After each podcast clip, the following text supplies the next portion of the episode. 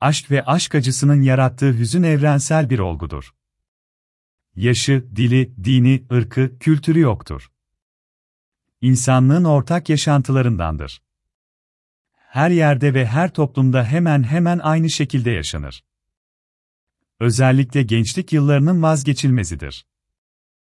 Onsuz yapamam, onun için canımı bile veririm, o benim her şeyim sözlerini sarf etmeyen, en azından içinden geçirmeyen yok gibidir. Aşk bazen toplumsal bir hayal ve avuntu aracı da olmuştur. Türk toplumu bir dönem göçün, hayat şartlarının ve yokluğun getirdiği sıkıntıları umutsuz ve amansız aşkların konu edildiği Türk filmleriyle avutmuştur. Minibüs edebiyatının hemen hemen tek ve en önemli konusudur aşk. Ya benim olacaksın ya kara toprağın, sevmek suç ise eğer cezamı idam isterim, dünya dikenli bir hayat, sevenlerde mi kabahat, aşıksan vur saza şoförsen bas gaza, teksin, aşkı çekene derdi bilene sor, kabahat sende değil seni sevende. Minibüs edebiyatının yazarları aşk konusunda o kadar tecrübelidir ki bazen bilgeliklerini de konuştururlar. Aşk bir otobüs binmesini bilmeli, son durağa gelmeden inmesini bilmeli, aşk bir sudur iç içi kudur. Ancak bu, şarkılara, şiirlere, filmlere ve edebiyata konu olan aşk çoğu zaman masumdur. Dönemliktir. Gelir, yaşanır ve biter. Hayata uzunlamasına etki etmez. Lakin bir de bitmeyen, dinmeyen ve hayatı zindan eden aşk acısı vardır ki aşıkı canından usandırır. İşte bu aşka biz tutkulu aşk diyoruz.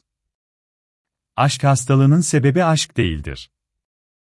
Narsisistik aşk, takıntılı aşk, aşk iptilası, marazi aşk, bencil aşk, patolojik aşk gibi birçok şekillerde ifade edilen tutkulu aşkta insanın aslında yaşadığı bir aşktan ziyade takıntıdır.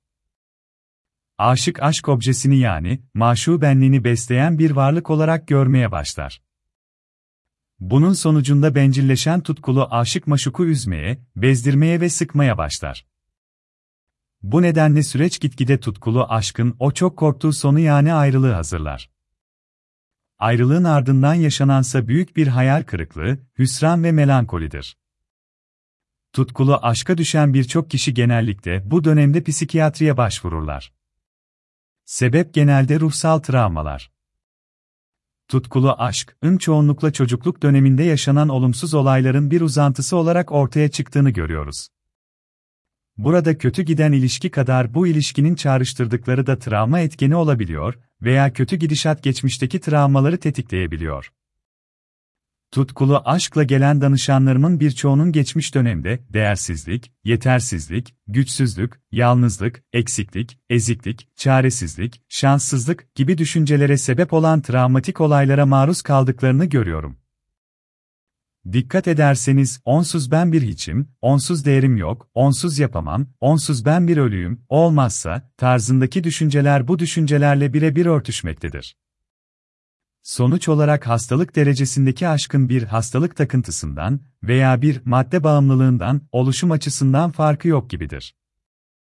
Tutkulu aşk da diğer psikiyatrik bozukluklar gibi biyolojik, psikolojik ve sosyal stresörlerin bir sonucu olarak karşımıza çıkmaktadır.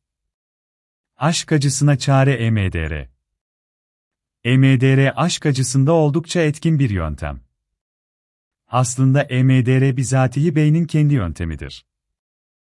Beyin her gece uykunun REM yani hızlı göz küresi hareketleri döneminde, gözleri bir sağ bir sola oynatmak suretiyle günlük travmaların duygusal yüklerini silmeye çalışır. Burada püf noktası beynin sağ ve sol yarım küresini ritmik olarak uyarmaktır. Bu sayede beyin mantıksal ve duygusal alanları hep birlikte çalıştırarak günlük üzücü, sinirlendirici, sıkıcı olayların zararlı etkilerini yok etmeye çalışır. Aşk acısı yaşayanlarda bu yöntemle kişinin aşk nesnesine takılmasını, bu konudaki aşırı duyarlılığını ve sebep olan geçmiş travmalarını çözmek mümkün olabiliyor. Bu sayede kişi aşk acısından ve aşk konusundaki olası şartlanmalardan kısa sürede kurtulabiliyor.